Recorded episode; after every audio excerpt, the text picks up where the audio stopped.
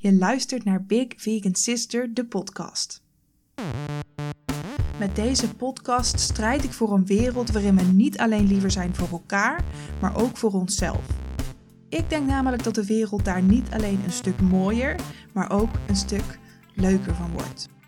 Ik ga in gesprek met verschillende gasten en met mezelf en neem je mee langs allerlei onderwerpen die bijdragen aan een mooiere wereld. Ik ben er voor iedereen die iets wil doen en die een verschil wil maken in een wereld die letterlijk en figuurlijk in de fik staat. Ik neem je mee aan de hand, want ik ben tenslotte je Big Vegan Sister.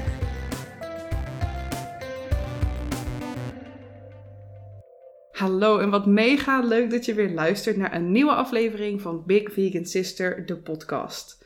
Vandaag gaan we het hebben over een onderwerp waar ik echt heel erg veel over te zeggen heb. Een onderwerp dat ik dan ook super belangrijk vind en iets wat mij heel nauw aan het hart ligt. En dat is namelijk grenzen stellen en vooral heel dicht bij jezelf blijven. Maar voor we daar inhoudelijk op ingaan, ik zeg we, want ik heb een hele leuke gast, wil ik even wat mensen bedanken. Want ik heb namelijk een Petje Af pagina en uh, dat is petje.af slash Big Vegan Sister. En daar kun je doneren om te zorgen dat uh, deze podcast blijft bestaan en ook blijft verbeteren. Omdat het behoorlijk wat tijd, geld en energie kost om deze te onderhouden. Um, en er hebben best wel veel mensen gedoneerd weer afgelopen week, waar ik super dankbaar voor ben. Want op dit moment spaar ik voor betere microfoons, voor interviews. Um, dus mocht je denken, wow, het klinkt nu al best wel goed kan nog beter. um, dus ik wil daarvoor eventjes deze mensen bedanken. Dat zijn Louise, Mignon, Levi, Maaike, Aise en Alissa. Jullie weten wie je zijn. Heel, heel erg bedankt. Ik ben jullie mega dankbaar. En ik heb nu al een derde behaald van mijn spaardoel voor mijn nieuwe microfoons. Dankzij jullie. Super fijn. Oké, we gaan het dus hebben over grenzen stellen. En over dicht bij jezelf blijven. Um, voor mij is dat een super belangrijk onderwerp, want ik weet niet of jullie dit over mij weten. Zo niet, dan moet je eventjes twee afleveringen terugluisteren. Aflevering 4 gaat helemaal over leven en ondernemen met extreme vermoeidheidsklachten, want die heb ik. Um, ik moet mezelf dus op dagelijkse basis wel in bescherming nemen door, en ik moet voor mezelf kiezen, omdat mijn leven anders niet leefbaar is. Um, en ik heb dit the hard way moeten leren, zoals ik zoveel dingen heb geleerd in mijn leven.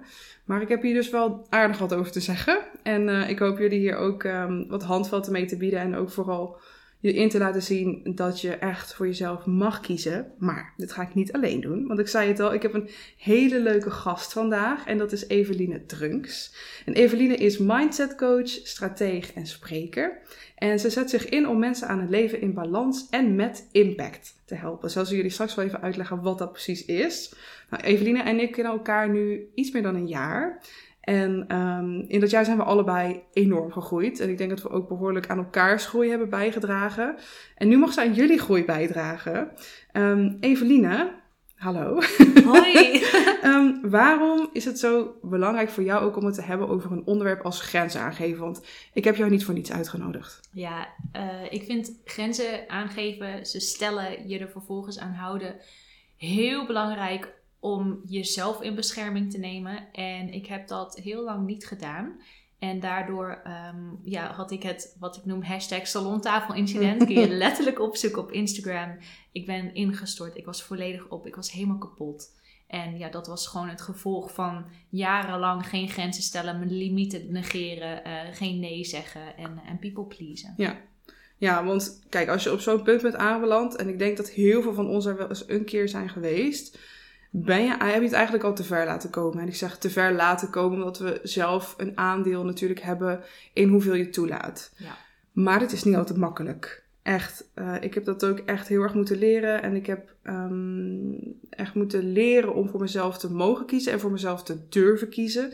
En het woordje nee te zien als een volzin. Mm -hmm. um, maar misschien voordat we uh, helemaal inhoudelijk erop ingaan, want we hebben ook vragen gekregen waar we duidelijk op ingaan. Um, wat is grenzen stellen voor jou? Want misschien is het goed dat we dat even bespreken, zodat we een, een soort vanzelfde definitie hanteren door deze hele aflevering heen. Ja, uh, ik reken onder grenzen stellen vaak iets anders dan de meeste mensen. Voor mij is grenzen stellen uh, dat je ergens een, een lijn trekt en zegt: als jij jouw gedrag blijft voortzetten, dan is mijn gedrag de consequentie. En dat betekent dus dat je meestal ook andere mensen nodig hebt om grenzen te stellen. En als we het dus hebben over ik ben over mijn eigen grenzen heen gegaan, dan heb ik het liever over limieten. En die twee dingen lostrekken van elkaar maken het voor mij makkelijker om ermee te werken. Dus als je zegt, oh ja, ik ben een grens overgegaan of iemand is een grens overgegaan, hebben we het dan over iemand die je veilige ruimte is uh, binnengekomen? Of hebben we het over dat je uh, moe bent of sociaal overprikkeld of uh, honger hebt of nou ja, um, dus dat je over je limieten bent gegaan? Ja. En in de volksmond noem ik ze ook wel eens door elkaar, maar er zullen dus een paar momenten zijn in deze podcast dat ik ze waarschijnlijk wel lostrek. Ja, ja nee, ik kan me ook wel voorstellen dat, want in sommige gevallen als jij het over een limiet hebt, dan heb ik over het, over, het over een grens. Precies. Terwijl we eigenlijk hetzelfde bedoelen, dus we gaan het gewoon even grens noemen. Ja. Maar af en toe zullen jullie ook wel merken, dat zal Eveline het even uit elkaar trekken. Wat ik uh, heel fijn vind aan jou Eveline, is dat jij dingen zo mega goed begrijpelijk en behapbaar kunt maken. Dus dat is ook weer meteen weer een reden waarom ik Eveline heb uitgenodigd om over zo'n groot onderwerp als dit um, te praten. Want je zegt net ook bijvoorbeeld, wat ik een beetje hoor is voor jou is een grens misschien meer een soort van hard meetbaar ding. En een limiet is eerder een soort van Sims-balkje. Heb ik het Ja. goed? Ja, dus van het Sims-balkje helemaal. Eh, en toch, om het even moeilijker te maken, is een grens is niet altijd in beton gegoten. Dus Ja, als je bijvoorbeeld kijkt, eh, nu mag iedereen me een knuffel geven, vind ik fantastisch. Maar vanavond, als ik overprikkeld ben, dan verandert mijn grens. Ja, goeie. Dus die is nog steeds best wel specifiek. Ja. Eh, Maar die je- mag per moment ook maar verschillen. die mag per moment, per context, persoon Ja. verschillen. Ja, Want ik denk dat dat al een heel belangrijk ding is. Want als we het bijvoorbeeld hebben over grenzen stellen of nee zeggen.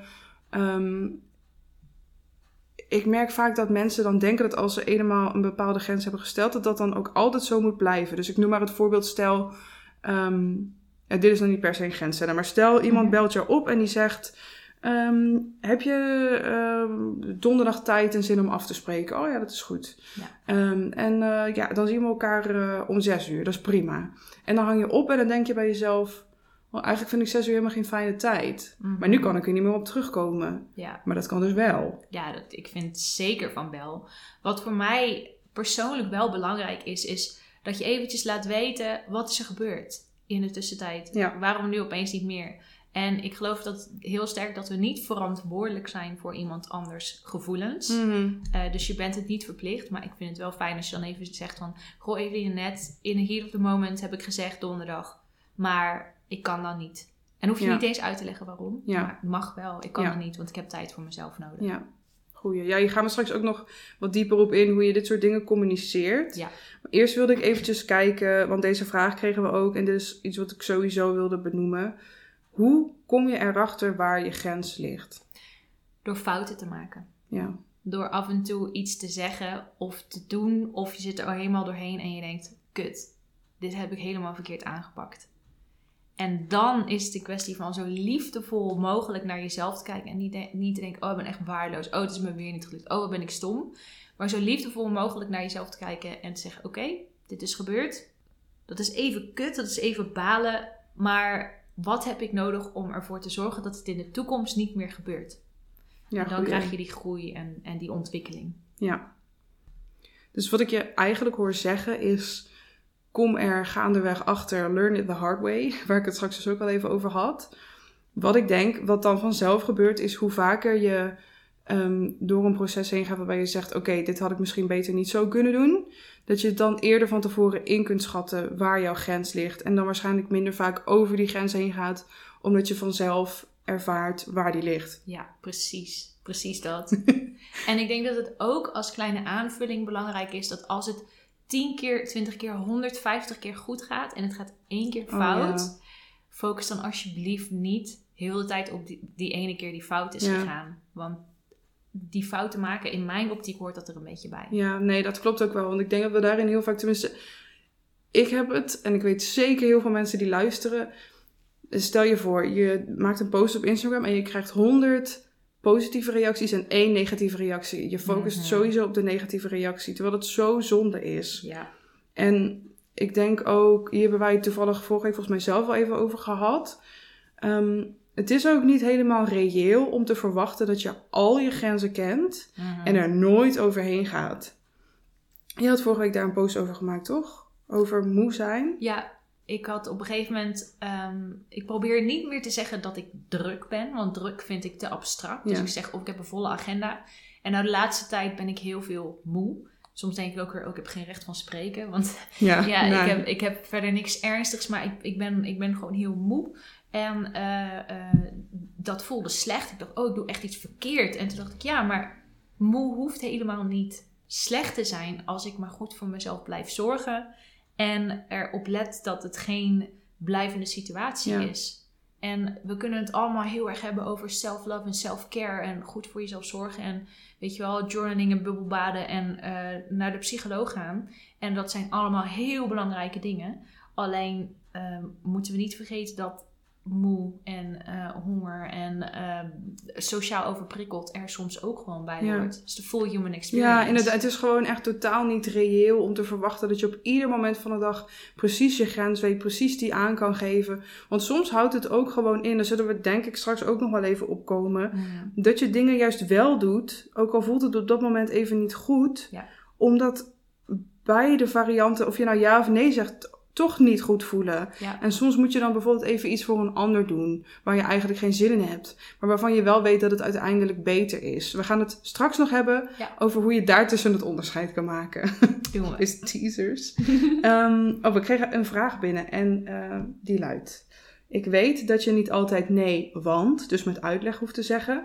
Maar hoe doe je het dan toch zonder die extra uitleg? Dus hoe zeg je nee zonder meteen het gevoel te hebben dat je iemand een uitleg verschuldigd bent? Ik zie dit vooral bij veel vrouwen in mijn omgeving. En eh, we zijn heel erg geneigd om uit te leggen. En daarmee bedoel ik dat we dus, als we maar de juiste uitleg geven, dan is de ander niet teleurgesteld. Als we maar het juiste doen, dan is het niet erg dat ik nee zeg of dat ik het toch wel doe. Dus we willen als het ware een gevoel bij de ander losmaken. En eigenlijk is dat manipuleren. Dus op het moment dat je merkt, ik heb moeite om nee te zeggen, weet dan dat eh, als je ja zegt, dat je eigenlijk de ander aan het manipuleren bent. Want je wilt eigenlijk dat de ander jou aardig vindt.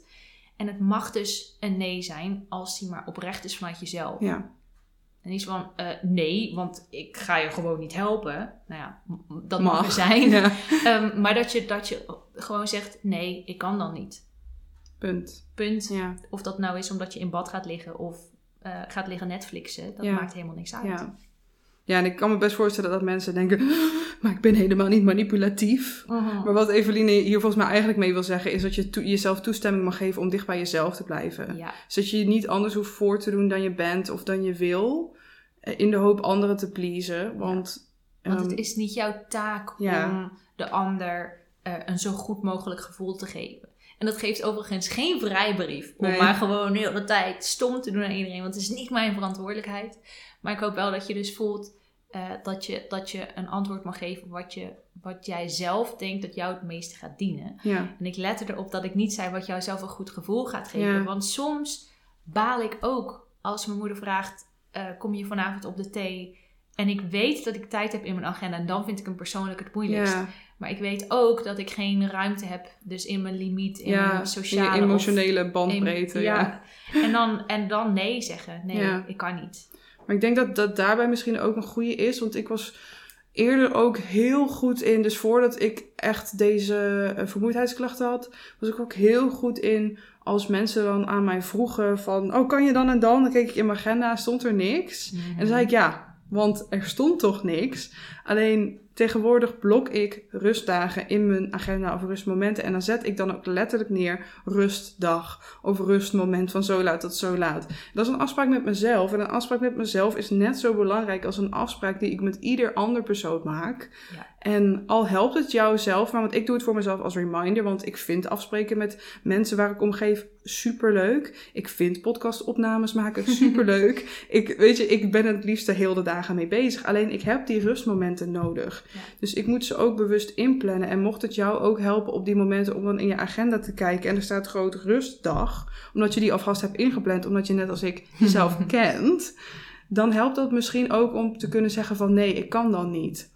En als mensen doorvragen, weet je, je, je bent ze helemaal geen antwoord verschuldigd. Maar mocht het voor jou te goed voelen, bijvoorbeeld, het is een goede vriend of vriendin. Of iemand waar je gewoon heel veel van houdt. Of iemand waarvan je denkt, oké, ik wil het nu wel liever wel uitleggen. En dan niet omdat diegene erom vraagt, maar omdat het goed voelt. Mhm. Dan kan je zeggen, ik heb die dag bewust ingepland als rustdag, want die heb ik nodig. Anders ga ik over mijn grenzen heen. Ja. Nou, en er zal geen zichzelf respecterend persoon zijn die dan zegt, ja, maar ik wil dat je toch met mij afspreekt. Mhm. Want mocht iemand dat dan wel doen, ik kan het me eigenlijk gewoon niet eens voorstellen, maar dan weet je ook meteen wat je aan diegene hebt. Ja. Denk ik. Ja. En dan kom je dus wel, hè, wat ik eerder zei in die specifieke definitie. Dus nee zeggen is niet per se een grens aangeven. Het is heel helder aangeven, hier liggen limieten, ik wil dit niet meer.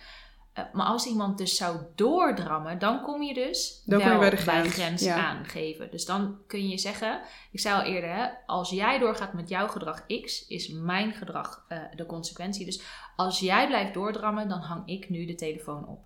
Of als jij blijft doordrammen, als je face-to-face, dus jij blijft doordrammen, dan ga ik nu wat drinken inschenken, een kopje koffie pakken. Of, want ik ga dit gesprek niet met je aan. Ja. En dan kom je dus wel bij die grens. En ehm, om nog één keer terug te komen op de vraag: hoe zorg ik er dus voor dat ik eh, geen nee want meer ga zeggen of nee als volzin? eh, besef je ook dat het niet altijd goed voelt. Je mag Ja. even balen als je nee zegt. Daar ben je geen slechte Ja, dat persoon. klopt ook. Ja. ja, want ik denk dat we allemaal een bepaalde angst hebben voor het woord nee. Want er is ons volgens mij al heel vroeg geleerd dat afwijzing is slecht. Hmm. Afwijzing, afwijzing is negatief. Afwijzing is iets ehm, waar je, eh, wat je eigenlijk zoveel mogelijk moet vermijden. Ehm, ik heb het idee dat we heel erg in een bepaalde ja-cultuur leven. Dat je overal ja moet zeggen en zeg ja tegen die en tegen die en, die, en ook nog tegen jezelf. Ben ik het trouwens volledig mee eens. Ja, Ja tegen, zeggen tegen jezelf. Alleen, het is niet realistisch om alleen maar ja's te verwachten. Herken je die bepaalde angst voor nee? ja, die herken ik heel erg. En ik weet niet zeker of dat die aangeleerd is. Want ik kan nog herinneren toen ik een mini-Evelini was. ik heb eh, samen met mijn moeder heb ik, eh, bij mijn opa in huis gewoond. En dan ging mijn moeder één dag in de week ging zij darten. En ik geloof dat ik drie of vier jaar oud was. En dan weet ik, dan ging zij weg. Dan ging ik uit bed, toep, toep, toep, toep, naar de overloop. En dan riep ik nog een keer, wel te rusten opa. En dan mocht ik meestal naar beneden komen. En dan lag hij voetbal te kijken. En dan mocht ik tegen hem aan liggen. En dan op miraculeuze wijze werd ik de volgende ochtend in mijn bed wakker. Maar dus dat moment dat ik op de overloop stond. En dan voordat ik wel te rusten opa riep. Moest ik altijd heel erg nadenken. En als ik, ik zit dus nu weer in dat moment. Ja. Ik voel mijn hart weer snel kloppen. En dan dacht ik altijd. Maar wat als die nee Ja.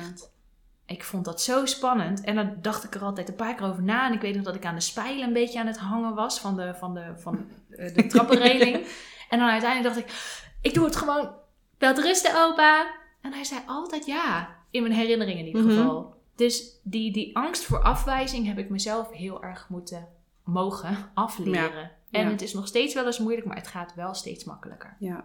Ik vind het mooi wat je zegt, dat het ook niet altijd goed hoeft te voelen. Want een afwijzing hoeft ook niet fijn te voelen. Nee, zeker niet. Maar wat mij hier heel erg mee heeft geholpen, is een concept wat ik volgens mij via Amy Porterfield van heb gehoord. Maar volgens mij heeft zij het zelf niet verzonnen. Amy Porterfield is eh, de vrouw als het aankomt op eh, online cursussen in Amerika. Het is super Amerikaans, dus eh, je moet er even doorheen luisteren om zeven zinnige dingen te zeggen. maar in ieder geval, zij heeft mij het concept ehm, van nee's sparen geleerd. En dat, dat concept is eigenlijk hoe vaker je nee en dus een afwijzing, afwijzing krijgt, hoe vaker je waarschijnlijk ook een ja zult krijgen. Want je ne- onderneemt veel vaker actie. You're getting yourself out there, zoals we dat zo mooi in het eh, Amerikaans kunnen zeggen. Ehm, en dat heeft mij zo erg geholpen, want ik dacht, ja, weet je, hoe, hoe vaker ik nu dus actie onderneem en iets uitzend naar iemand een vraag, hoe vaker ik nee krijg, hoe vaker ik ook ja zal krijgen. Want ik stuur die vragen vaker uit. Ik laat me niet meer tegenhouden door die angst om niet die nee te ontvangen. En ehm, zij heeft het zelfs zo bond tussen aanhalingstekens gemaakt dat zij eh, ging voor volgens mij iets van 100 nee's of misschien nog wel meer in een jaar. En uiteindelijk is ze er volgens mij helemaal niet geraakt. Want veel meer mensen zeiden ja. En dus haar plan is mislukt en eigenlijk gelukt. Ehm, waar ik het bij mezelf heel erg bij merkte, was bijvoorbeeld toen ik voor het eerst mijn Big Vegan Sister events ging organiseren. En ik wilde mensen een goodiebag meegeven.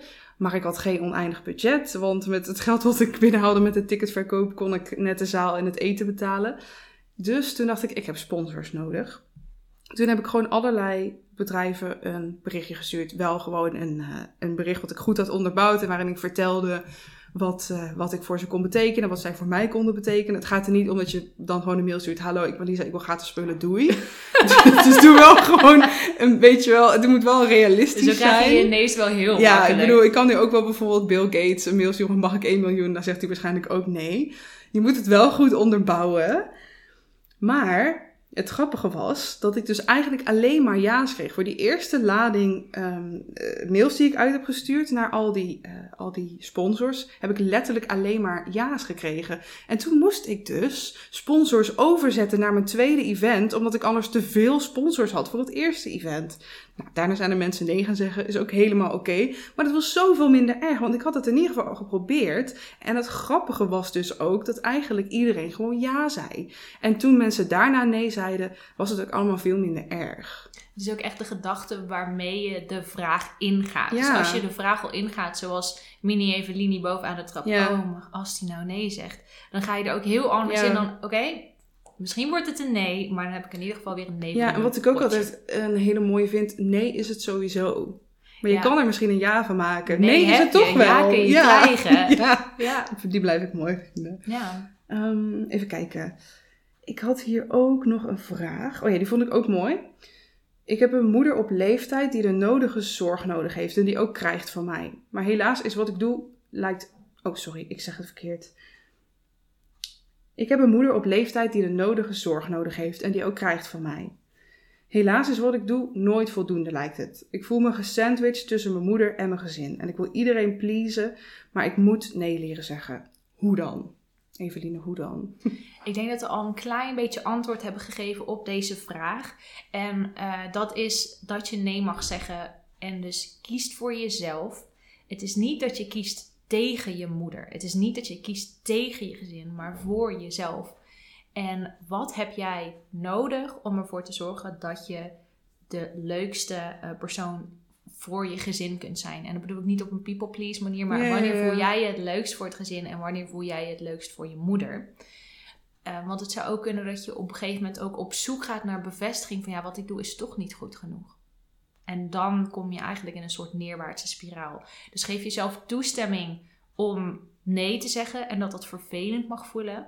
Blijf niet in dat vervelende gevoel hangen, maar ga leuke dingen doen voor jezelf. En zoek opnieuw die balans en, en je Ja. grenzen en je limieten op. Ja, inderdaad. Het belangrijkste is dat je jezelf toestemming geeft om voor jezelf te kiezen. Misschien heb je mijn laatste aflevering al geluisterd, misschien nog niet. Maar die gaat dus helemaal over wie de belangrijkste persoon in jouw leven is. Nou, spoiler alert, dat, Dat ben, ben je zelf. Ehm, maar daarnaast denk ik dat we dingen ook vaak heel groot maken. Kijk, ik ben zelf geen moeder. Ik zit niet in een mantelzorgsituatie. Ik heb geen gezin. Dus ik kan me haast niet voorstellen hoe het moet zijn om van al die kanten zoveel druk op je gelegd te krijgen. Ik, weet, ik, ik herken het omdat ik het bij andere mensen zie. Maar maak het vooral niet te groot, lijkt mij. Begin zo klein mogelijk. Want het, het is zo lastig om vanuit zoiets groots ineens voor jezelf te gaan kiezen. Dus allereerst, wat Eveline net ook al zei. Geef jezelf toestemming om voor jezelf te kiezen. En daarnaast maak het klein. En oefen. Oefen met het sparen van nee's. Oefen met het kiezen voor jezelf. En ik denk dat je daar dan aardig eh, begin hebt. En Ja. verder gewoon sterkte. Ja, heel veel liefde. Ja, heel veel liefde van ons. Je bent goed bezig. Dat sowieso. Want trouwens, dat is het ook. Weet je, bewustwording is ook gewoon een heel belangrijk ding. Dat je jezelf hier überhaupt bewust van bent, is al heel erg goed. Ja. Bewustwording is de eerste stap. Want daarvoor zit je, ja, ik kan niet anders. Ja, maar ik moet wel. En nu, besef, nu kun je beginnen met beseffen dat Ja. er altijd een keuze is. En het is beter om te kiezen voor het zorgen dan te zeggen, ja, het kan niet anders, ik moet wel. Ja, goeie. En er is hier een vraag die daar volgens mij best wel goed op aansluit. Want die, die vraag luidt: hoe voel je of het daadwerkelijk even te veel is en dat je jezelf rust moet geven? Of dat je jezelf juist een schop onder je kont moet geven en er wel voor moet gaan, omdat het wellicht ook weer nieuwe energie geeft? Ik vind het heel lastig dat te bepalen en ga daardoor soms over mijn eigen grenzen heen. Hoe is dat bij jullie? Nou, ik heb hier wel het een en ander over te zeggen, maar ik laat jou even eerst, Eveline. Oh jongens, ja, eh, ja, dit is toch echt wel een stukje fouten maken, maar ook echt reflecteren op wat er fout is gegaan. En ook luisteren naar wat je gedachten zijn op dat moment. Want soms denk ik over eh, bijvoorbeeld naar een feestje gaan waar ik misschien toch eigenlijk geen zin in heb. Ik heb geen zin om op te staan en om een broek aan te trekken Ja, en naar ja, dat feestje te gaan. En soms denk ik, oh lieve help, hoe ga ik in godsnaam deze dag doorkomen?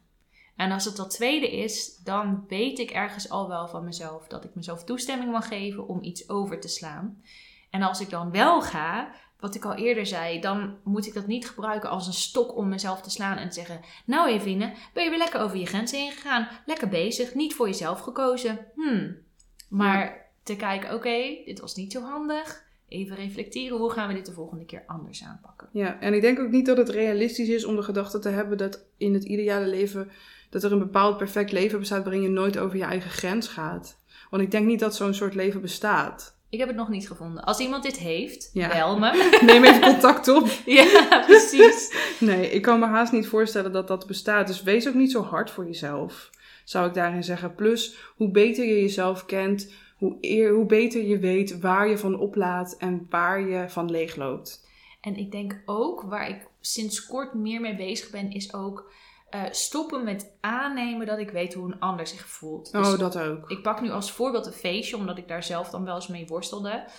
Als je dan op dat feestje bent, weet je niet wie er van tevoren een mental breakdown heeft gehad omdat ze niet wist wat ze moest aantrekken. Of eh, dat iemand zich eigenlijk te veel zorgen maakte omdat ze het cadeautje niet konden betalen. Of nou ja, noem maar op. We, we, we hebben de soort aanname dat iedereen het makkelijker heeft dan wij. Ja, En vervolgens gebruiken we die gedachte om te zeggen: zie je nou wel, ik doe het verkeerd. Want die anderen die zitten hier gewoon blij te lachen. Maar we weten niet wat er achter schuil gaat. ja. Dus Nee, dat klopt ook. geef jezelf, je doet het niet verkeerd. Ja. Nee, dat is misschien wel mooi om dan meteen op mijn ding over te gaan. Want dit is iets wat heel vaak door mijn hoofd heen gaat. Omdat ik dus zit met die vermoeidheidsklachten. Dus ik leef heel de dag in een soort angst van... als ik dit doe, maak ik het dan erger? Of als ik dit doe, is het dan goed voor mezelf? Oh, je hoort Petmee lopen. Petmee is het hondje van Eveline. Je hoort af en toe haar pootjes. Ze komt nu om een eitje vragen. Ze hoorden, ze hoorden erna. Maar ehm, het is dus voor mij super belangrijk om goed te weten waar ik van oplaad en waarvan niet. En voor de rest is het ook letterlijk gewoon uitproberen. En soms is dat een risico nemen en ik durf dat niet altijd aan. Ik heb bijvoorbeeld al jaren niet gesport, eh, omdat iedere keer als ik het probeerde, kreeg ik een terugval. Dus ehm, werden mijn klachten erger, kon ik haast mijn bed niet meer uitkomen.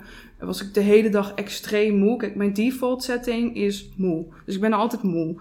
Ehm, maar soms ben ik heel erg moe. En soms ben ik zo moe dat ik helemaal niet meer functioneer en met een soort van griepverschijnselen op bed lig. En soms ben ik gewoon moe alsof ik een nachtje slecht heb geslapen.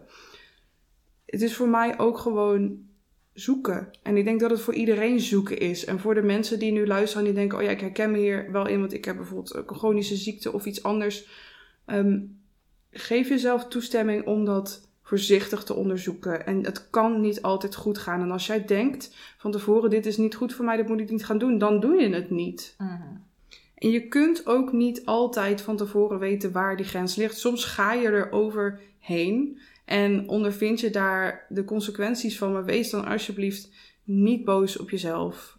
Alsjeblieft. Ik moest ook nog denken, toen jij net zei, eh, iets in de richting van dat je eventjes moet kijken waar je wel zin in hebt. Ja, Ik weet nog dat toen ik mijn salontafelincident had, toen lag ik letterlijk op de grond te huilen. Ik kon niks meer. Ik was overprikkeld, ik zag zwarte vlekken. Ik, eh, en dit had ik mezelf echt aangedaan. Ik heb geen, geen chronische ziekte, dit was ik helemaal zelf. En dat betekent dus dat het niet buiten mijn macht lag. En ik lag op de grond te huilen en ik dacht, ik wil dit niet. Oké, maar wat wil ik dan wel? En ik had er geen antwoord op. Ik had geen zin in chocolade. Ja. Je mag me wakker maken voor chocolade. Ik had geen zin om te wandelen. En dan weet je dus ook dat je te ver bent gegaan. Weet Ja. ik nu van mezelf. ja. Dus nu probeer ik ook van tevoren al. Als ik merk dat ik eigenlijk geen zin heb in leuke dingen. Weet ik al, oeh, dit, dit gaat... Nu, nu moet ik echt op mezelf letten. Nu mag ik gewoon eh, nee zeggen tegen iedereen. ja, want ik wou wel vragen, wat doe je dan als je dan zegt, nu moet ik op mezelf letten? Zeg maar, hoe ziet dat er dan in de praktijk uit? Wat doe je of wat laat je? in hele kleine stapjes kijken waar ik zin in heb. Dus mezelf niet te veel verplichten. Ik moet dan wel een paar dingen van mezelf. Ik moet van mezelf een ronde met de hond lopen. Minimaal een kilometer. Die beweging is voor mij belangrijk. Ja, dat is voor iedereen natuurlijk anders. Ik moet van mezelf mezelf iedere dag aankleden, mijn tanden poetsen. En ik denk dat, eh, dat door mezelf dus die, die beweging te forceren, eh, stop ik mezelf eh, van in stilstand terechtkomen. En dan ga ik kijken, oké, wat is het kleinste dingetje waar ik nu iets meer zin in heb dan mijn huidige situatie? ja. Op dit moment is het soms chocoladepepernoten. Ja, I love chocoladepepernoten. Soms is het een berichtje sturen naar mijn moeder of mijn beste vriendin. Ja. Op Instagram scrollen, maar dan niet te lang. Ja. Eh, een boek lezen. eh, naar de bioscoop gaan in mijn Ja. eentje. Dus eh, ik hoef niet meteen, weet je wel, in de stad een kopje koffie te drinken. Nee, het kan ook iets heel kleins zijn. Het kan al zijn even onder de douche stappen. Ja, of, zo. oh. of een kopje thee zetten voor jezelf. Of Ja. even vijf minuten in stilte de zon op je gezicht voelen en even doorademen. Dat is heel fijn, ja. Ik vind het soms lastig om in het moment te weten wat ik dan wil. Omdat ik dan een beetje vergeten ben welke dingen ik fijn vind. Ja, Maar ehm, wat mij heel erg heeft geholpen is, ik heb een keer een lijstje gemaakt met allemaal kleine dingen die ik ehm, heel erg fijn vind, waarvan ik me bijna altijd wel beter voel. En stel, ik heb zo'n moment waarop ik echt gewoon even niet weet wat ik wil, dan kan ik naar dat lijstje kijken. Ik weet nu toevallig niet meer waar die is, maar hè, maakt even niet uit. dat betekent misschien Maar- dat het al heel lang goed met je gaat. Ja, misschien, dat, dat is misschien ook wel zo. Maar dat helpt gewoon, want dan hoef je alleen nog maar iets van het lijstje te kiezen. En ehm, ja, dan voel je je vaak gewoon al een klein stukje beter, omdat je even iets voor jezelf doet. Even bewust voor jezelf kiest. En ook hier wil ik nog even aan toevoegen, is soms gaan we heel bewust over onze grens heen. Ja. En dat mag ook. En niemand hoeft ook voor jou te bepalen, behalve, behalve jijzelf, wanneer jij over die grens heen mag. En wanneer dat wel en niet gerechtvaardigd is. Mhm. Want ik krijg soms ook, ehm, of kreeg, ik heb geen contact meer met die mensen, van mensen te horen. Niet voor niks. Ja, ehm, bijvoorbeeld van ja, maar je kon wel die en die dag daarheen, maar je kon niet dit met mij gaan doen. Want wat mensen vaak niet zien is, als ik bijvoorbeeld een avond naar een concert wil, dan moet ik dat heel graag willen, want dan moet ik drie dagen daarna bijkomen. En dat betekent dat ik waarschijnlijk één of twee dagen daarvan helemaal niks kan en de rest bijna niks. Dus ik moet voor mezelf heel erg bepalen van is het het waard om over deze grens heen te gaan of niet. En het is ehm, heel moeilijk om, en pijnlijk om dan van andere mensen te horen dat ik niet over mijn eigen grens heen mag gaan eh, voor iets wat ik heel graag wil, omdat het hun niet uitkomt. Ja, Dus ik wil je hierbij ook toestemming geven om vooral zelf te kiezen wanneer je over die grens heen gaat. Want zoals we eerder al zeiden, een leven in perfect balans bestaat gewoon niet. nee. Dat bestaat Eens. echt niet. Ik heb ook de harde regel voor mezelf. Ik ga niet later dan tien uur naar bed. Dat heb ik nodig, omdat mijn leven nu zo in- is ingericht. Eh, maar als mijn beste vriendinnetje of, of een, een goede vriendin of vriend eh appt... Ja, dan ben ik tot half twee s'nachts eh bellen, appen. Dat maakt niet uit. Maar dan kies ik ervoor... Ik, ik ben er liever voor die vriend of vriendin. En ik kan ook nee zeggen. Het is niet dat ik denk, oh, ik kan niet anders. Ik moet er zijn. Ik wil dat, dus ik doe dat. Ja, want dan zou je ook weten dat je in een ongezonde relatie tot elkaar zit. Ja, ik- je weet dat je op dat moment... Ja, ik eh postte toevallig gisteren nog in mijn stories. We nemen dit nu op op eh, 3 december. Dinsdag Oh 3 ja. december. Ja. Maar gisteren in mijn stories postte ik nog iets. Ehm, en dat, heb ik, dat hebben wij altijd eigenlijk al gehad. Eh, want ik had zo'n quote gedeeld waarin eh, even vrij vertaald stond... dat ik heel erg blij ben met mijn vrienden en vriendinnen... omdat zij van tevoren aan mij vragen of zij bepaalde... ehm, emotionele zaken op dat moment bij mij mogen tussen aanhalingstekens dumpen. Of ze op dat moment, of ik daar op dat moment de emotionele bandbreedte voor heb, zeg maar. Ja. En ik vind dat zo ongelooflijk fijn. En ik doe dat ook altijd bij anderen. Dus misschien is het ook een goede tip voor jou om het daar eens met jouw vrienden over te hebben. En ook bij, misschien juist het goede voorbeeld te geven door het bij anderen te gaan doen. Stel je zit ergens mee, iets emotioneels, iets waar je boos over bent, iets waar je verdrietig over bent. Wat bijvoorbeeld ook wat met die ander kan gaan doen. Check even. ehm, stuur gewoon een appje. Ik wil even ergens over klagen. Vind je het oké als ik dat even doe? En dan ook die ander bewust de ruimte geven om daar nee tegen te zeggen. Want ook dat hoort bij grenzen aangeven. Dat is ook Ja. grenzen van anderen kunnen aanvaarden. Zeker. Ehm, maar daarmee, ehm, dat, ik vind dat zelf een heel gezond ding om te doen in alle soorten relaties die je hebt. Of het nou platonisch of romantisch is. Even checken, kan ik hiermee nu bij jou terecht? Ja. Even als tussendoortje. Een hele goede regel. En ook wat jij zegt, geef daarin zelf het voorbeeld. Ja, Wees de vriendin die je heel graag wilt hebben, of de Ja. vriend. Of, Ja. ja. zeker weten. Wees de persoon die jij zelf het allerliefste in je omgeving zou willen hebben. Mhm. En eh, hierop aansluitend, iemand vroeg... ehm, sommige nee's voel je heel duidelijk, maar bij kleine verzoekjes en dingen die een kleine moeite zijn, zeg je toch wel snel ja, om niet egoïstisch over te komen. Maar ja, al die kleine ja's bij elkaar zorgen er dan voor dat je toch over je grens gaat. Dus, hoe ga je om met kleine nee's en verzoekjes? Ik denk dat we hier allebei hetzelfde over denken. Ja. 3, 2, 1. Oefenen! Oh, juist! Oké, dit is niet ingestudeerd. dat gelooft niemand nu. Nee, maar echt, oefenen. Ja, ja. Oefenen, nee sparen. Ja, Probeer het met de kleinste dingen. Oh, we hebben pet mee weer geactiveerd. dus als je nu pootjes hoort, is het pet mee. Maar ehm, ja, dit is misschien een dooddoener. Misschien wil je dit helemaal niet horen, maar je moet het gewoon oefenen. En begin zo klein mogelijk. Begin eh, zo klein mogelijk met als iemand, als een ober naar je toe komt en zegt, wil je nog wat te drinken? Nee, ik hoef niks meer. Begin zo klein mogelijk. Dan maak je het zoveel makkelijker voor jezelf om daarna tegen grotere dingen nee te zeggen. Of bewust wel ja te zeggen. En wees, ook, eh, wees je ook bewust van kleine patronen. Ik ben hier zelf nog maar net mee begonnen. Dus ik maak me hier ook nog schuldig aan. Wijs me hier Oh, sowieso. op. Ik maak me schuldig aan van alles waar we het vandaag over hebben. Ja, Dus dat is ik heb niet de absolute waarheid in pacht.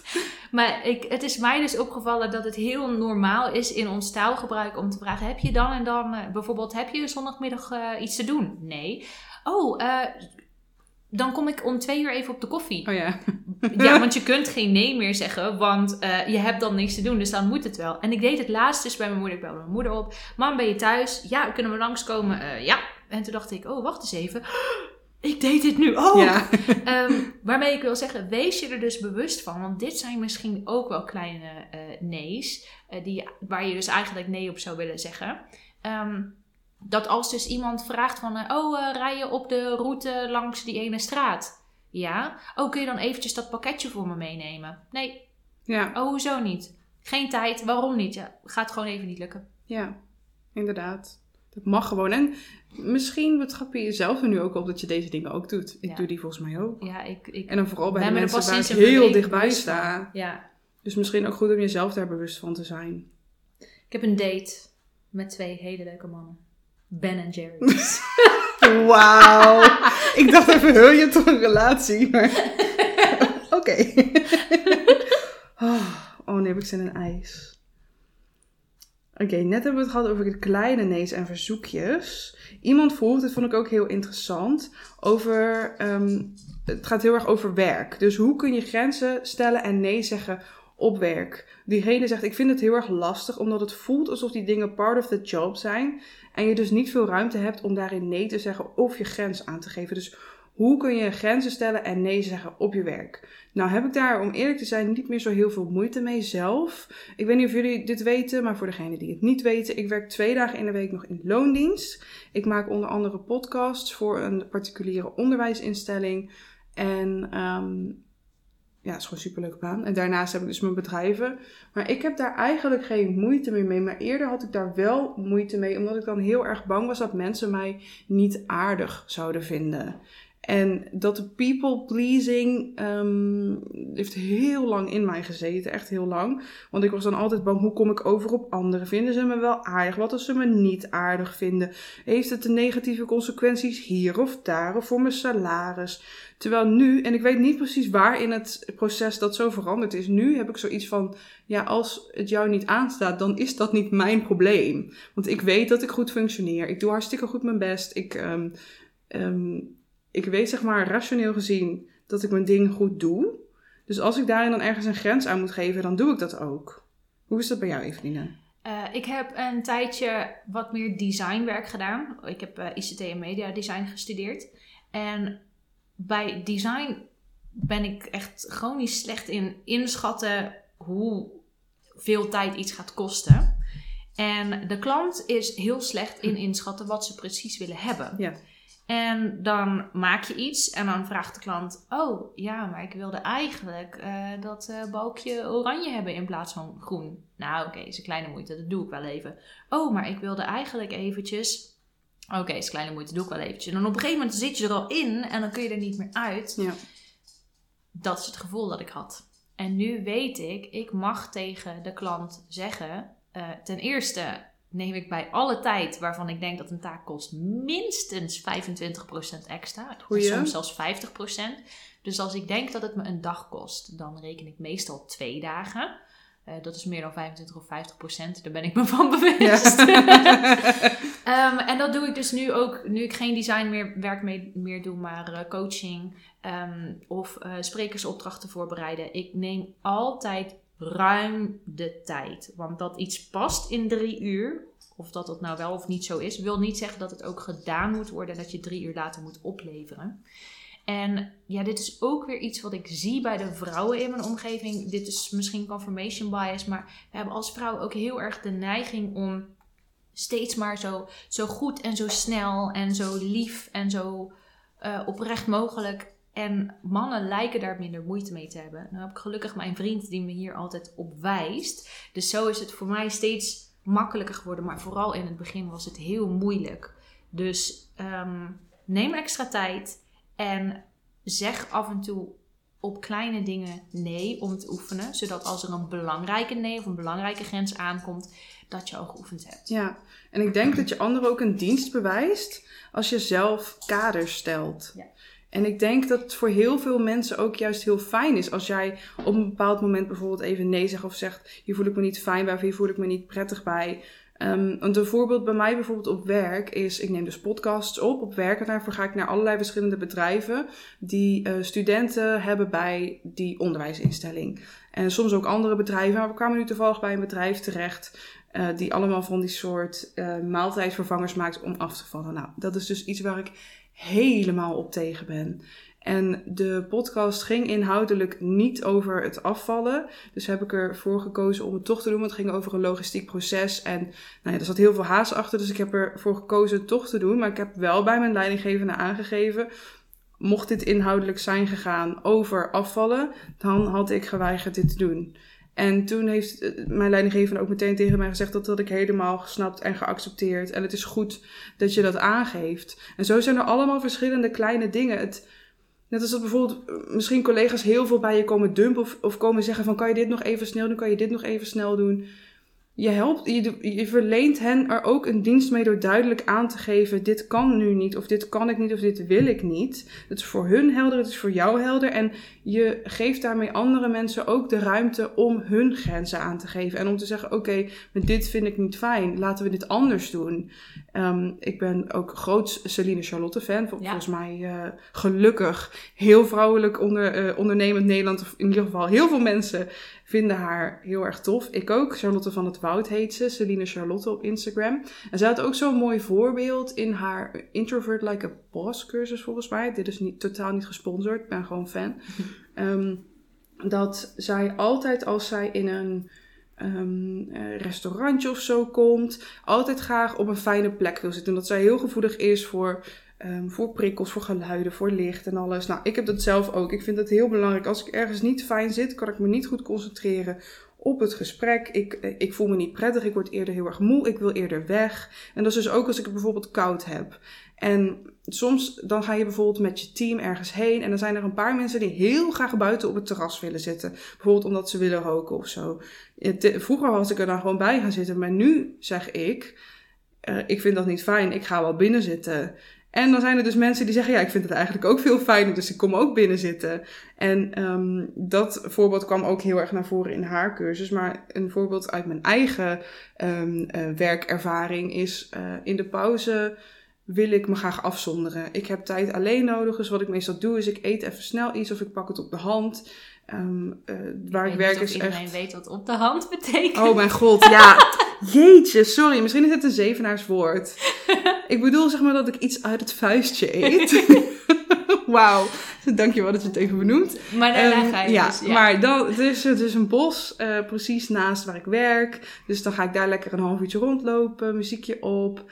En um, sommige collega's die zeiden dan wel eens van ja, kom je er ook gezellig bij zitten in de pauze? We zien je nooit in de pauze. Toen heb ik ook gewoon heel eerlijk gezegd van ik, uh, ik heb gewoon die tijd voor mezelf nodig. Ik ga me even afzonderen. En toen kwamen er daarna twee mensen naar me toe. Toevallig de mensen waarmee ik het meest direct samenwerk. Zeiden, Oh Lisa, wat fijn dat je dat zei. Ik heb dat ook. en we hebben het super gezellig met elkaar. Maar in de pauze gaan we gewoon allemaal om de beurt beginnen met wandelen. Zodat we alleen kunnen lopen. Dat is zo Dat mooi. is echt fantastisch. Dus ik heb hiermee zeg maar hun ook ehm, die mogelijkheid gegeven om ook hun ding te doen. Dus vergeet ook niet welke dienst je hier een ander mee verleent. Door wel nee te zeggen. Of soms bewust ja. Want het is soms ook gewoon fijn om even iets voor een ander te doen. Ja. Maar nou ja. En ik moest nu ook bij jouw voorbeeld moest ik ook heel erg aan denken dat je zei sommige mensen willen heel graag op een terrasje zitten en dat is dus wel een hele duidelijk een heel duidelijk voorbeeld van een grens stellen. Ja, ja. Want je zegt dus als jullie doorgaan met je gedrag X, als jullie lekker op een terrasje gaan zitten, geen probleem, maar dan Ja. is mijn gedrag ik ga lekker binnen zitten, de consequentie. En het is dus het woord manipuleren als je dus zegt ehm, als jullie op het terras gaan zitten, dan ga ik binnen zitten. En dan zit je alleen binnen. Nou, die consequentie die, die kun je dan dragen. Bestel lekker een eh, warme chocolademelk met slagroom. Vegan variant eventueel. Eh, en dat is ook helemaal niet erg. Maar als je dan toch maar mokkend buiten Ja. gaat zitten, dan wordt het manipuleren. Dus die grens dacht ik. eh, dus, Ja, dus de lijn tussen je grens stellen of manipuleren, Ja. Die zit eigenlijk hier. Ja, want stel je grens integer, blijf dicht bij jezelf en sta er dan ook achter. Dus ga dan inderdaad niet met een lang hoofd op dat terras zitten, zodat je ook zeg maar, andere mensen hun dag verpest, terwijl zij gewoon graag op een terras zitten. Ja. En dan nog een ander ding waar ik Ja, aan moest ja, ja, ja, ja. denken. Ik hoop dat mensen dit, er, dit eruit halen en dus bewuster worden. Ehm, ik doe dit ook weer zo voorbeeld. Oh, kom je gezellig bij ons buiten zitten. En als je dus nee zegt daartegen, zeg je eigenlijk nee tegen gezelligheid. Terwijl je dat niet bedoelt. Ik zeg nee tegen de kou. Ik hou van warmte. Dus als je merkt dat het stellen van een grens heel vervelend voelt, kijk dan eens waar je nee tegen zegt. Dus wat is het wat je van je afduwt? Is het dus die gezelligheid? Niet per se. Het is de kou waar ik geen zin in heb. En wat is het dan waar je ja tegen zegt? Dus wat is die consequentie die je wilt dragen? Goeie. Hele goeie. Ehm, even kijken. We hebben volgens mij nog twee vragen. Nee, nog één vraag. Oeh. Dan heb ik nog een vraag aan jou. Oh. De vraag luidt. En dit is denk ik wel een mooie, want wat ik helemaal vergeten was te zeggen aan het begin van deze aflevering. Een grote reden waarom ik deze aflevering nu doe, is omdat ehm, het is 3 december, de feestdagen komen eraan.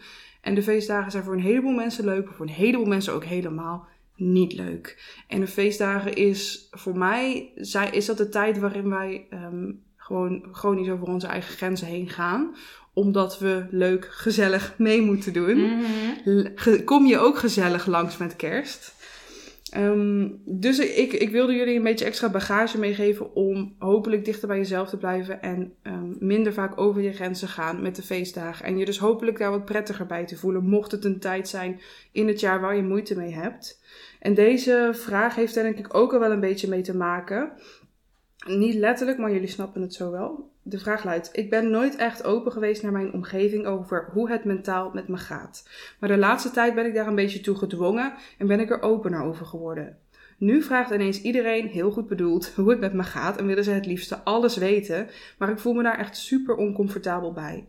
Hoe kun je erachter komen waar je grens ligt over wat je wel en niet wil vertellen? En vooral, hoe zeg je dat dan op een aardige manier tegen mensen die het wel heel goed bedoelen? Ik zeg meestal hoe ik de opmerking opvat. Dus stel dat iemand vraagt: eh Goh, Eveline, hoe gaat het nu met jou? Hoe gaat het nou echt met jou? Dan eh, zeg ik bijvoorbeeld: Oh, ik vind het heel lief dat je het vraagt. Het gaat prima met me, maar ik wil het er niet over hebben nu. Dus eh, kunnen we het he- alsjeblieft hebben over lekkere vegan taartrecepten? Of nou Ja. ja. noem maar een ander onderwerp. En probeer het ook meteen door te leiden. En als ze dan door zouden vragen of zich persoonlijk gekwetst voelen, ehm, dan kun je je beseffen, het, is, het ligt niet aan jou en je hoeft ze niet per se te troosten. Je hoeft ze ook niet na te schoppen. Ja. Ehm, maar eh, besef je dan dat, dat het nou eenmaal in de manier van ons praten en van met elkaar omgaan, dat het daar heel normaal is om dus wel antwoord te geven op Ja. elkaar en maar leuk mee te doen. Klopt. Ja, want weet je, als jij dus zegt, ik wil het hier liever niet over praten, verleen je anderen ook weer een dienst. Ja. Doordat die horen van, oh ja, weet je, als ik hier een antwoord op geef, hoef ik dat ook helemaal niet te doen. Ja. Want voor mij komt uit deze vraag heel erg naar voren. Enerzijds was de vraag, hoe kun je erachter komen waar je grens ligt over wat je wel en niet wil vertellen? Nou, volgens mij weet je die stiekem al, lieve Ja. vragensteller. Ehm, en hoe zeg je dat op een aardige manier tegen mensen die het wel goed bedoelen? Volgens mij gaat het vooral daarom. Hoe zeg je op een aardige manier tegen mensen: ik wil hier nu liever niet over praten? Nou, zoals Eveline zegt, letterlijk met die woorden. En dat is moeilijk en dat is oefenen. Mhm. En de ene persoon zal daar misschien beter op reageren dan de andere persoon. Maar hou ook in gedachten dat hoe iemand reageert niks te maken heeft met jou en alles met die persoon. Precies. Precies. Ja, dit heb ik heel erg van Eveline geleerd. Ehm, ik, ik vulde heel erg vaak voor anderen in wat zij dan over mij dachten. En ook wat zij over mij zeiden, werd mijn waarheid. Terwijl niemand bepaalt jouw waarheid behalve jijzelf. En hun, zeg maar, iemand anders mening over jou of, of, hoe iemand op jou reageert. Dat zegt veel meer over die persoon en wat die persoon heeft meegemaakt. En waar die persoon misschien op dit moment wel mee zit. Dan, eh, dan, dan dat het iets over jou zegt. En je kunt ook benoemen van, oh, ik waardeer het heel erg dat je het vraagt. Ehm, ik- wat lief. Maar op dit moment eh, vind ik het moeilijk om erover te praten, dus ik heb het er liever niet over. Zo mag je het ook zeggen. Dan Ja. bedank je diegene meteen voor de interesse. Want je geeft ook oprecht aan, ze bedoelen het goed. Maar weet je, goede bedoeling is, dat hoeft niks te zeggen. Je kan, ik gebruik dit voorbeeld vaak, je kan iemand keihard slaan en dan zeggen, ja, maar ik bedoelde het toch goed? weet je, intenties hoeven helemaal niks te zeggen. Maar je mag ze, als, als dat comfortabel voelt voor jou, even bedanken voor hun interesse. En dan gewoon zeggen, ik wil het hier nu niet over hebben. Dat mag je zeggen. Preach. Dankjewel. Amen. Ehm, misschien wel een goeie. Want ehm, ik kan me voorstellen dat we allemaal best wel eens erge opmerkingen naar ons hoofd hebben gekregen. En hoe je daar dan op reageert. Want ja, kan je je er iets bij voorstellen, Eveline? Ja, je zit namelijk al te lachen. Maar Oh, de jongens. kersttijd en ook weet je wel, samen zijn met familie is echt weer zo'n tijd dat er allemaal van die shit aan tafel gebeurt waarvan je denkt, ik heb het hier, ik wil het hier nu gewoon echt niet over hebben. Of zei je dit nou echt? Mhm. En dan is het super belangrijk dat je daarin ook je grenzen aan kan geven. Maar volgens mij, volgens mij kan je het bijna niet meer inhouden, Eveline. Welke opmerking? Ik zie mezelf alweer helemaal aan tafel zitten, aan de gourmettafel. En we zijn met z'n allen gezellig aan het eten klaarmaken. En op een gegeven moment werd het tegen me gezegd, en ik was gewoon goed aan het eten. En toen werd het tegen me gezegd, nou, ik vind het zo gezellig dat je gewoon weer lekker aan het eten bent.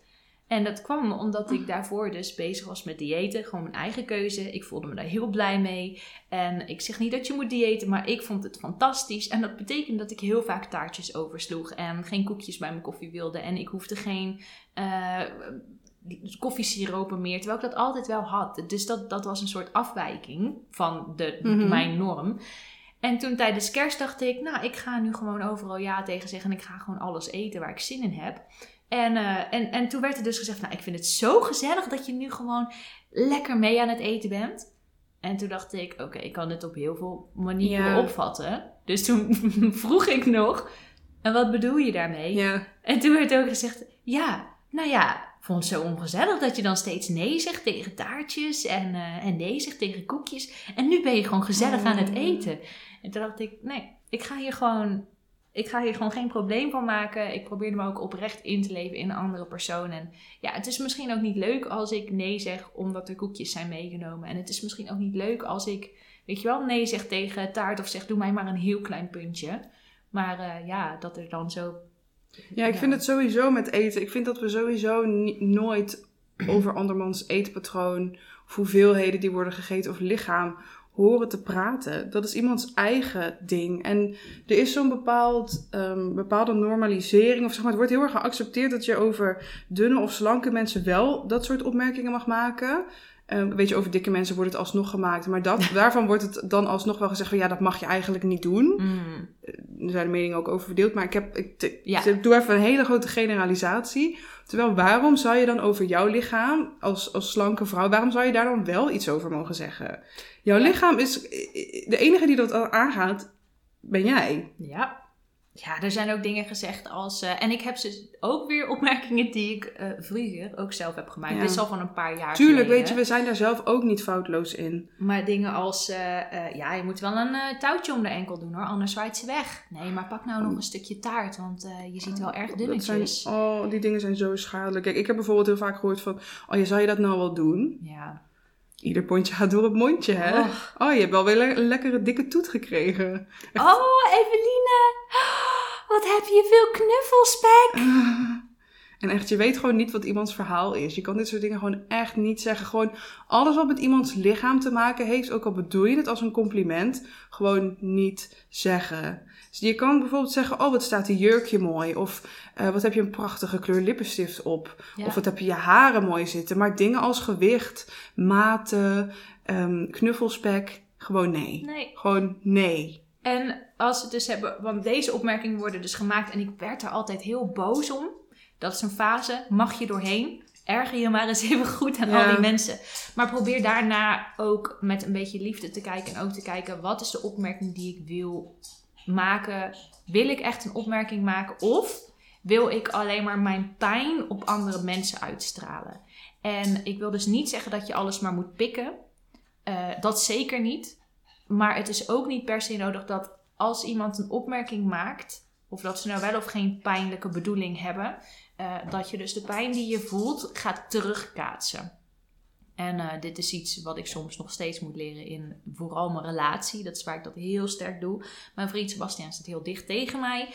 En dan maakt hij wel eens een opmerking en denk nou, dat is echt een fucking lullige opmerking die je nu maakt. En dan maak ik er eentje terug en dan kijkt hij me aan. Nou, dan zeg ik, ja, zo voelde het voor mij. Terwijl, ik kan ook gewoon zeggen, oh, het kwetst me echt als je dat zegt. En Ja, 9 van de dichter 10 bij keer jezelf krijg ik houden. terug. Oh, dat was helemaal niet mijn bedoeling. Sorry, geef niet. Hoef je geen sorry voor te zeggen. In de toekomst heb ik liever niet Ja. dat we het hierover hebben. Anders dan ga ik even wat anders doen. Ja. Ja, dat is supergoed. En in het hele erge geval, mocht je echt weten dat als je ergens komt, dat je dan ieder jaar jezelf van binnen helemaal kapot voelt gaan. Weet dan ook dat er altijd de keuze is, ook al voelt het misschien niet zo, om niet te gaan. Ja. En dan moet je zelf bepalen of je, of, of je met die consequenties kan delen, zeg maar, wegen de consequenties op tegen het gevoel wat jij die avond daar gaat hebben. Ehm, want dat kan ik niet voor jou bepalen. Maar mocht het enigszins kunnen, blijf dan gewoon thuis als je je daar fijner bij voelt. Ik vind het ook echt de allergrootste bullshit dat we het gevoel hebben dat we verplicht zijn om naar familie te gaan. Ik heb zelf mijn moeder zes jaar, nou ja, ongeveer zes jaar niet eh, gezien. En ik heb zoveel mensen gehad die zeiden, ja, maar het is toch je moeder. Ja, en op dat moment waren mijn moeder en ik niet goed voor elkaar. We waren heel erg giftig, eh, toxic voor elkaar. En dus diende het ons allebei niet om met elkaar om te Ja. gaan.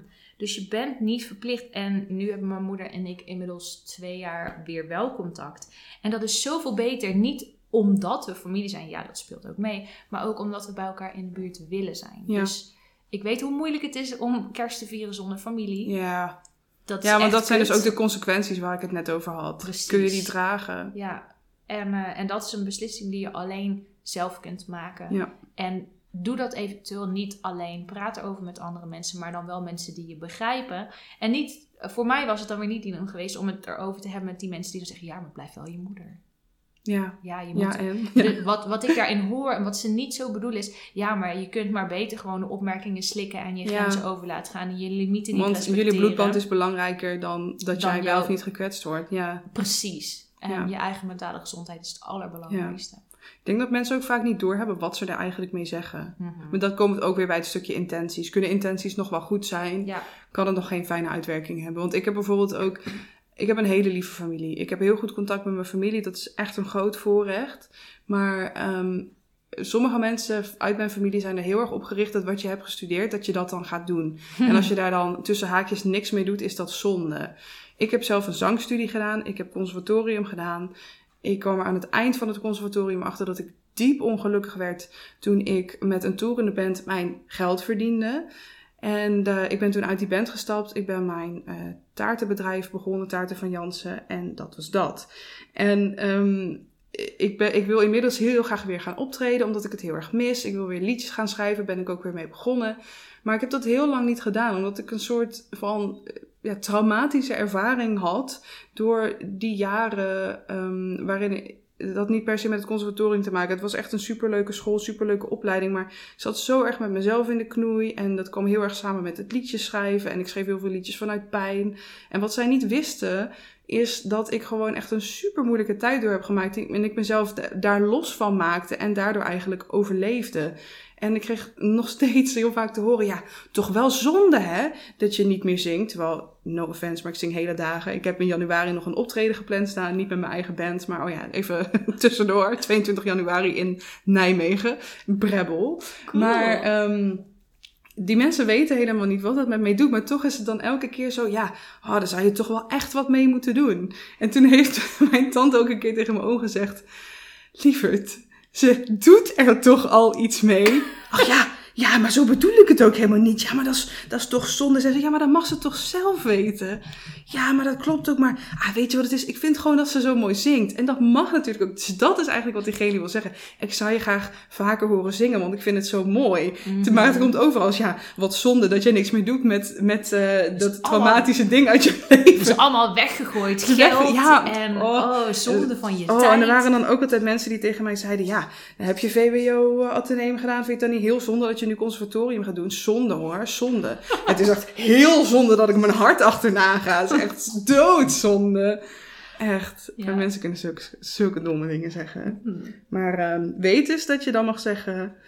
Allereerst mag je gewoon zeggen hoe je erover denkt. Mocht je de lieve vrede liever willen bewaren. Of je zegt, ik heb nu geen zin in deze confrontatie. Dat is geen zwakte. Dat is ook sterk. Ja. Dan mag je dus gewoon zeggen. Bijvoorbeeld, enerzijds mag je zeggen, dankjewel dat je naar vraagt. Maar ik heb het er liever niet over. Je mag ook gewoon zeggen, ik heb het er liever niet over. Punt. Ja. Ander onderwerp. Bam. En dan kan je misschien ook van tevoren alvast bedenken wat voor onderwerp je het dan over zou willen hebben. Ja, ik heb het gewoon heel graag over allemaal nieuwe vegan recepten. Ja, lekker eten. Mhm. Ja, of misschien heb je leuke foto's die je kan laten zien van je hondje of zo. Dat helpt ook Ja. altijd. Daar heb ik er heel veel van. hey, maar met het oog op de feestdagen, Eveline. Heb je nog een paar praktische tips voor de luisteraars? Ehm dit ik nu ter plekke, dus je hebt ze nog niet voor kunnen bereiden. Maar heb je een paar praktische tips ehm, voor de luisteraars hoe je de feestdagen op zo'n manier door kunt komen dat je dicht bij jezelf blijft? Oeh, dat is een hele goeie. Eh, nou, wat ik, waar ik het eerder al over had, ik zie familie niet als een verplichting. En ik let er ook op in mijn taalgebruik dat ik zeg, op maandag gaan we en niet moeten we. Of, of maandag de eerste kerstdag. Of, en dan wil ik graag en dan doen we dit. Niet eh, moet ik. En ik let er ook op dat, eh, dat ik er in mijn taal en mijn toon op let dat ik niet ga afgeven. Op het moment dat je voelt dat de verplichting is, kijk dan eens bij jezelf, waarom is het een verplichting? Want je weet niet wat andere mensen denken.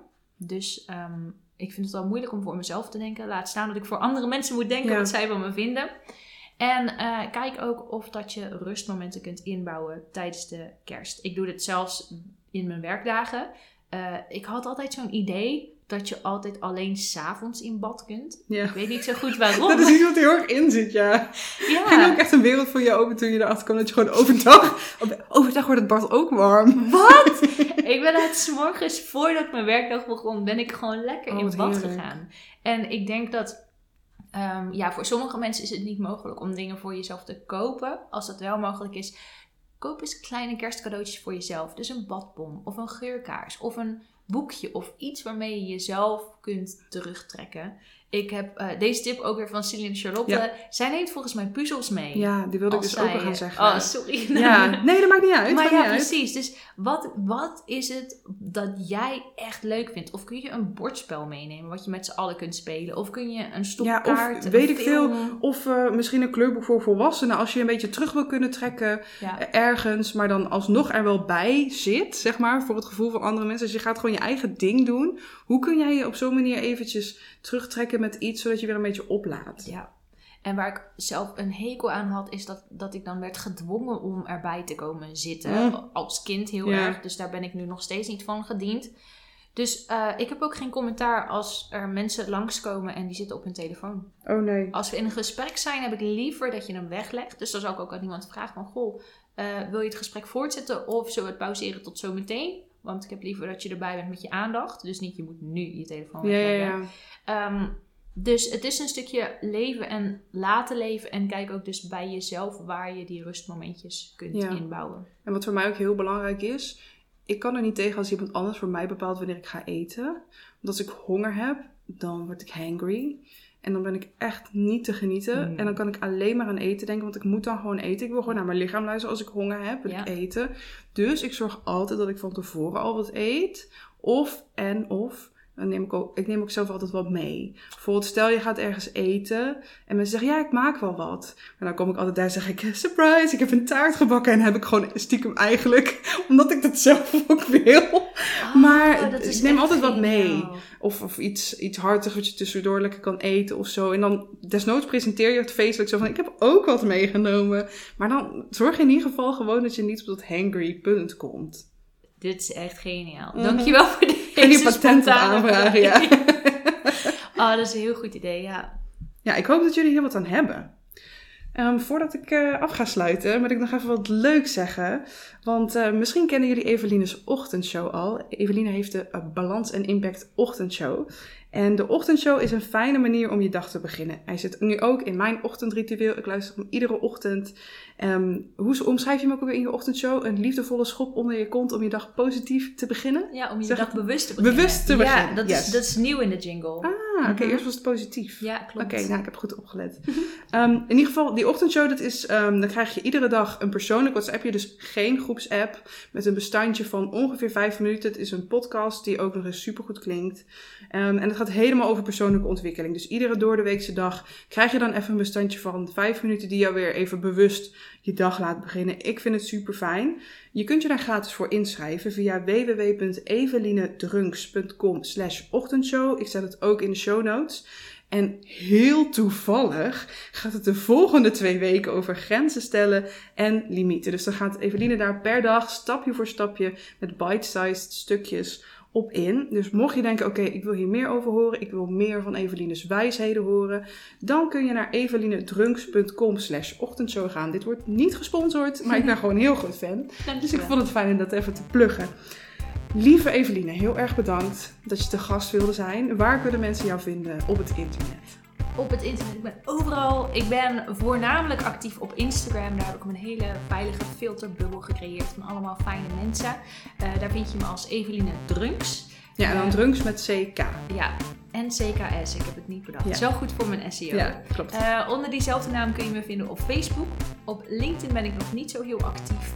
En eh, ja, ook via podcasting. Ik heb de Balans en Impact podcast show. Ben ik iets minder actief, want de afgelopen twee maanden heeft de ochtendshow heel veel eh, aandacht gevraagd. Ja, maar je hebt wel een stuk of twintig afleveringen of zo erin staan. Ja, klopt. Ja, dus je kan lekker terug luisteren. Dus lekker binge luisteren tijdens de feestdagen. En ehm, ja, ik, vind, ik ben dus nu ook actief op WhatsApp. Je krijgt de ochtendshow via WhatsApp. En daar eh, ga ik ook heel veel één op één gesprekken aan met Ja. mensen. Ja, want dat is het leuke. Je kan Eveline dus ook meteen een appje sturen en dan krijg je ook een antwoord terug. Ja, altijd van Super, mij. super leuk. Lieve mensen, heel erg bedankt voor het luisteren. Ik hoop oprecht dat jullie iets hebben gehad aan deze aflevering. Ik vond het heel fijn om hier met Eveline over te praten. Mocht je denken, dit vind ik super waardevol en eh, ik wil graag iets teruggeven voor alle gratis waarde die je me biedt. Dat kan. Dat kan via mijn petje.af. Dat is petje.af slash bigvegansister. En daar kun je al vanaf 3 euro eh, per maand doneren. Kan ook eenmalig. En daarmee zorg ik dat de podcast verbetert en blijft bestaan.